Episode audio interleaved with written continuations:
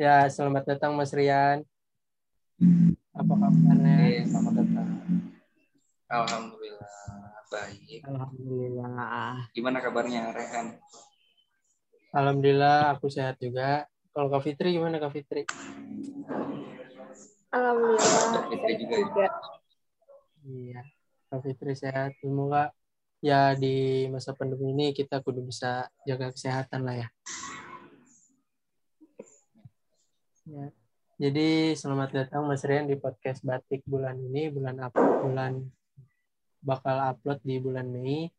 Terima kasih juga buat Mas Rian udah bersedia udah bersedia ngasih waktunya, luangin waktunya buat jadi narasumber di podcast Batik bulan ini. Ya, makasih ya Mas sebelumnya ya Mas. Oke, makasih kembali. Oke. Ya, jadi yang mau diangkat dari podcast apa podcast batik bareng Mas Rian ini tentang ya siapa yang nggak tahu Mas Rian sih tentang manajemen waktunya lah manajemen waktu dan mungkin relasinya yang relasinya yang banyak gitu sana sini ada mungkin kita angka kita akan angkat hal itu baik boleh ya Mas ya Iya, boleh boleh. Saling sharing aja ya. Minta izin dulu ya, Mas. iya Iya, boleh boleh. Silakan Kak Fitri Eh, Kak. Eh, langsung aja nih kayak eh, langsung menanya gitu. Eh, menurut kalian ya Kak, hmm, seberapa pentingnya sih pengalaman dan relasi dengan banyak orang tuh? Gini. eh, pasti di sini Fitri sama Rehan pernah eh, mengalami dunia masa kecil ya. Pernah SD, pernah SMP. Kalau nih misal teman-teman Iya. eh, ditemukan dengan satu dua soal matematika 2 plus 5 sama dengan teman-teman misal jawabnya 4 itu salah atau benar? 2 plus 5 sama dengan 4 salah ya? Misal nanti teman-teman ketika ada ujian ataupun di lain kesempatan ada soal yang sama. 2 plus 5 teman-teman jawabnya berapa? Berubah pikiran jadi jawaban benar tujuh. Ya jadi 7 nah Iya. Itu diimplementasikan dalam hal kecil dalam hal akademik. Nah, kalau misal kita eh, pengen ngebahas tentang pengalaman, jelas pengalaman itu di hal apa pun itu sangat penting. Kalau misal kita ngebahas tentang relasi, pasti teman-teman pernah mengalami yang namanya masa balita. Ketika kita balita, apakah kita langsung, misal kita lahir, kita langsung berdiri kan enggak? Kita ada prosesnya untuk berdiri, ada prosesnya uh, untuk berjalan. Ketika kita mau berjalan dan mau berdiri, kira-kira kita butuh orang lain nggak di situ? iya Nah, pasti butuh orang lain. Butuh. Dan orang lain ini adalah uh, relasi kita. Relasi itu kan hubungan. Nah, kalau misal kita uh, mau berjalan, mau berlari, itu kan butuh bantuan orang lain, butuh butuh uh, arahan artinya di situ uh, kita ada hubungan dengan orang lain yaitu orang tua. Nah, itu adalah relasi. Yang namanya relasi juga bukan hanya dengan manusia. Ada relasi itu kan hubungan. Kalau kita yang uh, memiliki kepercayaan tentunya ada yang namanya hablum munas dan hablum Allah. Artinya ada relasi dengan sesama manusia dan ada juga relasi atau hubungan dengan uh, yang maha kuasa. Jadi uh, seberapa penting pengalaman dan relasi penting ya. ya karena pengalaman itu juga. Ya jadi berarti karena pengalaman itu juga kita belajar lebih baik ke depannya gitu ya mas. Betul sekali. Ya. Ya kan karena ada pepatah juga yang bilang guru terbaik adalah pengalaman kita sendiri. Dan yang agar tidak Betul. terulang kesalahan kesalahan yang sama itulah gunanya pengalaman kita belajar dari pengalaman itu oke mantap next nggak Rehan ngisi aja nih, ngisi aja dah, bisa lanjut betul aja sekali ya. oke lanjut Lanjut nih. Eh, kalau boleh tahu nih ya Kak, eh, motivasi awal Kakak nih mengikuti banyak program kemahasiswaan, mengikuti organisasi, itu apa sih Kak? Boleh diceritain nggak? Ini. Sebenarnya kesibukan untuk mengikuti mahasiswa dan organisasi itu kan pilihan masing-masing uh, mahasiswa gitu uh, mau mengikuti kesibukan di mana pun uh, itu pilihan. Dan pilihan saya mungkin salah satunya adalah mengikuti kegiatan mahasiswa dan uh, organisasi ini. Uh, motivasinya kalau misal kita ingin finish kita luar biasa kita kita lihat prosesnya. Kita harus proses harus memiliki proses yang luar biasa juga. Kita bisa memulai artinya kita bisa start yang luar biasa tapi hasilnya bisa bisa saja. Bisa luar biasa juga. Pun sebaliknya misal kita startnya biasa bisa finishnya luar biasa tapi bisa juga finishnya biasa saja. Tapi beda kalau kita memaksimalkan prosesnya. Kalau kita prosesnya luar biasa pasti mungkin itu itu salah satu uh, apa ya uh, motivasinya sih. Dan uh, kehidupan ini bukan papan catur ya bukan hitam bukan putih gitu. Bukan senang bukan uh, bukan benar bukan salah doang. Ada warnanya gitu. Jadi uh, biar kita punya cerita di masa depan buat anak-anak kita buat teman-teman kita pun kita bisa sharing ke teman-teman yang lain gitu nah itulah uh, kenapa saya memilih untuk uh, memiliki kesibukan di mahasiswa di organisasi. Kayak gitu kayak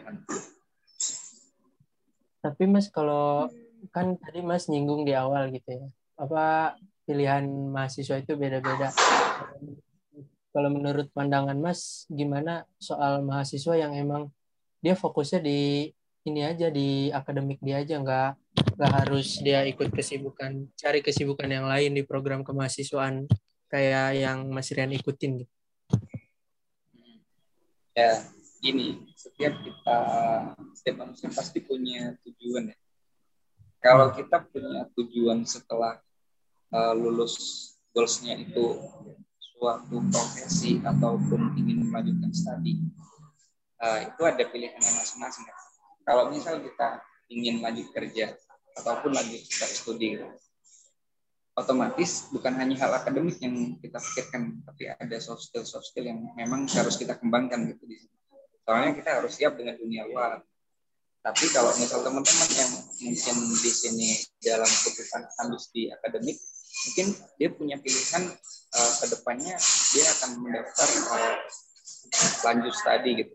Nah, itu it's oke, okay, bebas gitu. Jadi kalau mau memilih ke akademis saja, fokus akademis saja, Oke, okay. tapi kalau menurut aku fokus akademik doang kayaknya uh, kurang maksimal gitu. Soalnya nanti kita akan berhadapan dengan dunia luar yang sebenarnya bukan hanya dites di secara logika untuk uh, berpikir sistematis dan uh, dalam hal tapi eh, dalam hal pengetahuan, tapi pengalaman kita juga di situ bakal bakal berguna. Jadi soft skill dan pengalaman tentunya berguna dalam uh, ke depannya. Iya, berarti ya, selama jadi mahasiswa ini kan kita dikasih waktu. Alangkah lebih baiknya ya, bukan memaksakan sih, alangkah lebih baiknya mencari pengalaman itu, melatih soft skill itu, ya karena kita setelah lulus nanti akan berhadapan dengan dunia luar, dunia yang udah beda lagi nih di dunia perkuliahan. Akan dunia bisnis kah atau dunia atau nah alangkah lebih baiknya kita itulah mengatih soft, soft skill soft skill kita. Mencari banyak pengalaman lah. Kan dunia perkuliahan kan gak cuma itu itu aja banyak pengalaman yang harus kita gali itu betul ya mas ya? Yes setuju. Nih kak uh, menanya yang aku tahu kan dari aku pas maba nih ya kak uh, kayaknya tuh kalian tuh banyak gitu ikut kegiatan, ikut organisasi, ini itu gitu ya. Mungkin apa dari dulu pas SMA emang juga udah suka gitu kali ya ikut organisasi gitu. Nah, boleh diceritain nih Kak, uh, perjalanan singkat kalian gitu dalam mengikuti kegiatan dan organisasi nih dari awal perkuliahan sampai sekarang. Ya, jadi yang aku bilang tadi di awal uh, ada belum masih kita ada relasi yang memang harus kita kayaknya relasi itu uh, jadi nafas gerak kita gitu dalam kehidupan. Jadi memang di SMA dulu aku juga aktif uh, organisasi. Tidak begitu aktif sih ada beberapa organisasi yang uh, aku ikuti gitu. dan di desa juga uh, begitu ada organisasi yang dan masuk ke perkuliahan waktu itu tuh pas maba ya mahasiswa baru nah, itu kan ada kita disambut dengan uh, teman-teman kakak tingkat kita yang uh, di situ sebagai panitia ya. Ada yang PKKMB ada yang artinya yang penyambutan ada yang di S3 dan ternyata orang-orang tersebut itu semuanya adalah orang-orang organisasi kan. Dari tingkahnya juga terlihat uh, bagaimana mereka bersikap dari public speakingnya juga bagus nah itu juga menjadi motivasi juga sih. Kenapa uh, aku juga di situ uh, kenapa harus ikut organisasi lagi dan di semester satu dua di awal, awal perkuliahan mungkin aku ikut dua organisasi. Yang pertama itu uh, himpunan himatika tahun pertama ya. Kemudian ada di tingkat uh, universitas itu ada KM uh, nah dua organisasi ini uh, aku geluti gitu ya di UKMPR sempat uh, memang sebenarnya dulu aku memprioritaskan di bidang penalaran dan riset.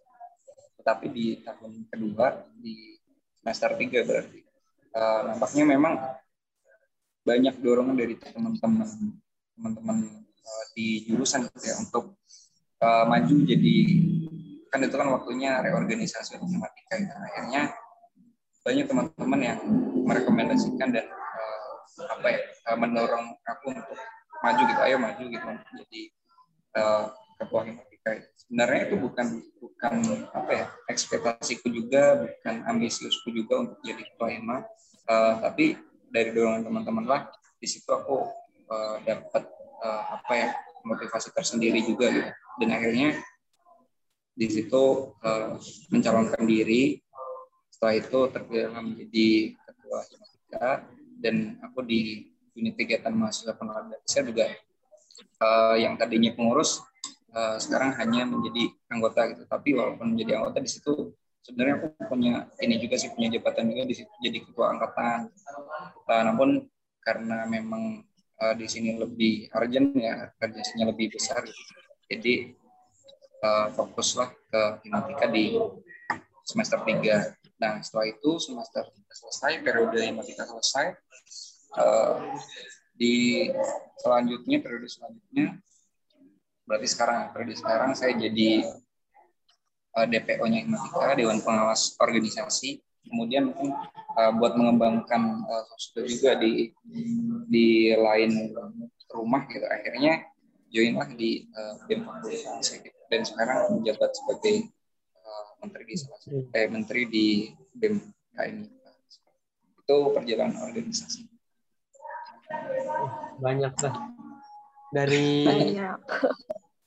iya dari awal itu juga pas sudah lihat Mas Rian kalau Mas Rian sambutan atau apa gitu ya apa fun fact aja kayak ada ini loh kayak karismanya sendiri buat buat apa namanya kayak sambutan tuh ada aja yang hal-hal atau cerita-cerita zaman dulu atau kisah yang yang membangun gitu yang motivasi yang motivat motivatif lah.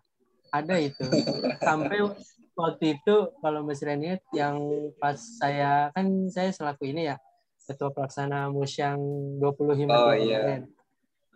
Saya nih Kak, Kak Fitri kalau belum tahu ini apa sempat aku tuh menghubungin Mas Rian. Iya. Mas, Mas gimana sih buat sambutan gitu yang bagus biar nggak beda gitu biar unik biar dikenal jadi jadi ikonik lah. Kalau Mas Rian kan udah ikonik banget sebutannya udah udah paham lah orang udah yang apalagi jurusan-jurusan matematika kan.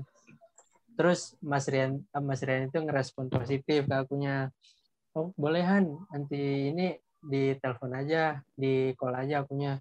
Olah tuh akunya teleponan sama Mas Rian. Dijelasin tuh awalnya harus gimana gimana gimana nya sampai akhirnya aku nyusun sambutan selesai besoknya aku sambutan. Ya lancar kan ya alhamdulillah jago ya kan ya. langsung jago ya. Iya. Langsung jago gitu. Lancar. Kayaknya iya. calon calon ketua hima biasanya seperti itu. Ya itu kan Rehan kalau itu kan perjalanan organisasi gitu ya dari apa tahun pertama ikut hima dan UKM penalaran riset terus di periode selanjutnya menjabat sebagai ketua himpunan mahasiswa matematika. Dan periode sekarang nih periode selanjutnya menjabat sebagai menteri ekotran ya ekotran di BMKM MIPA Unsud sama DPO sekaligus DPO di Himatika. Nah kan Mas Rian juga siapa yang nggak tahu kampus archery kan? ya, mas ya. Siapa yang itu, tahu? Iya, gimana gimana itu awalnya sampai sekarang tuh Mas Rian juga ikut program mahasiswa wirausaha sekaligus PMK-nya ya Mas ya? Dua-duanya Mas ikut. PKM, KBMI. Iya. Iya. Iya, betul. PKM sama PMW berarti dua-duanya ikut. Kampus hmm. RCRI. Iya. Iya. Itu kampus Archer itu apa sih itu Mas? Buat yang belum tahu ya. aja. Iya, ya, jadi sebenarnya gini. Mungkin aku ceritain aja ya dari awal uh, begitu singkat cerita begitu aku selesai kuliah selesai uh, sekolah SMK aku di sini SMK bukan uh, selesai sekolah SMK uh, di situ dalam diriku udah ini punya tekatan untuk mandiri gitu. Jadi entah aku nanti melanjutkan studi ataupun nanti aku kerja ataupun nanti membangun usaha. Intinya aku tidak akan meminta uh, uh, insya Allah tidak akan minta bantuan berupa finansial ke orang tua kayak gitu sempat mengucapkan hal tersebut ke bapak dan ibuku. Jadi itu yang menjadi apa sih hal semangat tersendiri yang menjadi bahan bakar hingga saat ini. Dulu itu aku berusaha untuk mandiri mulai dari jualan alat-alat elektronik. Pernah jadi member di salah satu perusahaan multi level pernah juga berjualan makanan donat gitu. Dan di kelas 3 SMK dulu aku punya temen kakak sepupu. Kakak sepupu. Uh, dia punya usaha di situ sebagai uh, marketing di olahraga panahan menjual alat-alat panahan. Di situ aku dulu main panahan cuma sekedar hobi gitu. Sekedar hobi akhirnya uh, suka kemudian kepo dengan alat-alatnya. Alat-alat tersebut kok kenapa bisa mahal dan alhasil di situ aku diajari sama kakak sepupu juga uh, untuk uh, marketing di dunia panahan akhirnya belajar setelah belajar setelah lulus di situ aku punya penghasilan ya dikit-dikit lah setelah lulus uh, SMP nah masuk ke masuk ke universitas ke unsur di semester 1 di semester 2 itu ada program yang namanya PMW kan. Di situ uh, di tahun 2019 berarti di tahun 2019 itu kan olahraga panahan di Indonesia dan booming dan booming boomingnya. Dan di situlah uh, aku coba membawa uh, usahaku ini ke dalam program tersebut. Akhirnya setelah mengikuti beberapa tahapan dan seleksi akhirnya lolos dan mendapat ada juga uh, kompetisi di tingkat nasional aku coba ikuti namanya KBMI kompetisi bisnis mahasiswa Indonesia. Aku ikuti juga karena usaha ini memang sudah berjalan dari uh, tahun 2017 berarti tahun 2017 aku tahu seluk beluk di uh, di situ panahan perkembangannya di Indonesia. Yang awalnya dulu aku hanya sekedar dropship akhirnya diangkat jadi marketing uh, produsen di Master Bomb Indonesia. Kemudian aku coba belajar mandiri akhirnya di sini aku cari pengrajin-pengrajin kayu aku gandeng pengrajin-pengrajin kayu yang ada di Banyumas ketemulah uh, di situ cocok dengan pengrajin kayu akhirnya kita produksi uh, panahan dan di tahun berikutnya pun sama karena ada program yang sama juga PMW dan KBMI di situ aku ajuin lagi kemudian beberapa uh, tahapan seleksi aku lalui dan lolos lagi dapat pendanaan juga dari Komunitas Teknik dapat pendanaan juga dari universitas dan dan alhasil sekarang ya aku udah punya store sendiri kemudian uh, udah kerjasama dengan berbagai instansi berbagai uh, apa ada perusahaan ada juga pengrajin kayu di situ dan sekarang alhamdulillah berjalan ya sedikit demi sedikit itu semua untuk uh, memenuhi kebutuhan dan celengan untuk masa depan gitu. Jaringannya makin banyak. Kebutuhan Mas Rian udah banyak terpenuhi mungkin ya. Insya Allah. Aja. Berarti kampus archery itu emang sebelum sebelum apa dari awal semester 1 udah ada gitu kampus archery itu. Sebenarnya awalnya itu namanya Rian Suparseri. Kemudian eh, setelah ada program kita rebranding Rian Sup jadi kampus archery. Karena memang berjalannya usaha ini aku kan sedang di kampus dan sedang perjalanan menjadi mahasiswa. Jadi aku ganti jadi gitu. Ya dari kita doain aja kita doain kampus archery go internasional. Oh, amin. Amin, amin. Jangan lupa order juga nih kalau mau cari di Shopee, Tokopedia lengkap semuanya ada kampus archery Hmm. ketik aja. Nanti ada di bawah sini. Nanti dieditin Rehan, Kak. Boleh, boleh. siap siap. Bisa aja ini. Lanjut aja ke Fitri, coba lanjut. Eh, Sekarang lanjut ya, Kak. Tadi kan eh, di awal udah disinggung nih ya tadi tentang pentingnya relasi gitu. Nah, dari Kakak ada nggak sih kayak tips da- yang dapat dibagikan nih dalam hal manajemen waktu dan pentingnya relasi itu?